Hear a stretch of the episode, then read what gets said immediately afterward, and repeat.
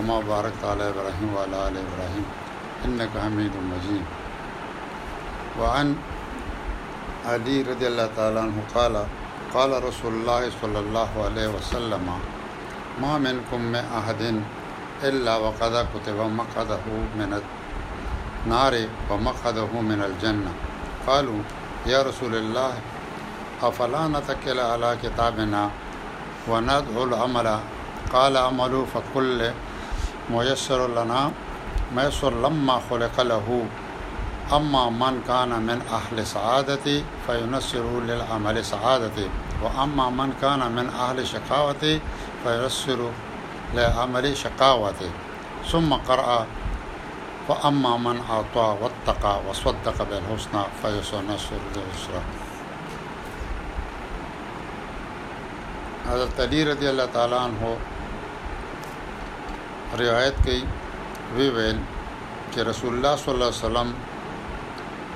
او فرمایل چې پتا سو کې سو داس یو کس نشتا چې دا غړ ټکانا دوزخ او یا دا غړ ټکانا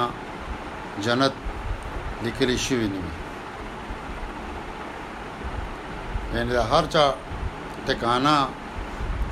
چا د دوزخی دی یا هغه د جنت والا نه دی هغه لیکل شوی دا نو حضرت علی رضی الله عنه وایي چې ما مونږ وې چې اې د الله رسوله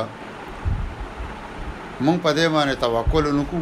په دې بر باور ونکو او عمل کول پریدو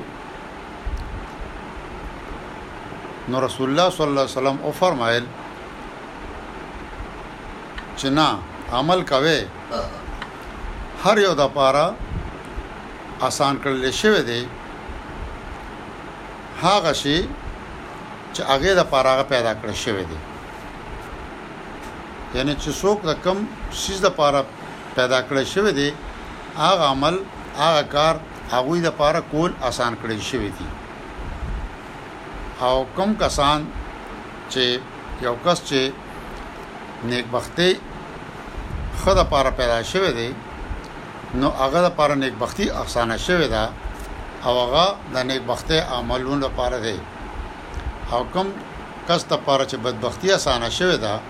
نو دا هغه لپاره عمل د بدبختی دی او بیا د سورة اللیل بانوې نمبر سورت دا پنځم او شپږم آیات تلاوت کو فاما من اعطا واتقا وصدق بالحسنى فسنسره للعسرى چې د هر هغه سړي د پاره هغه شی چې چا وګڼل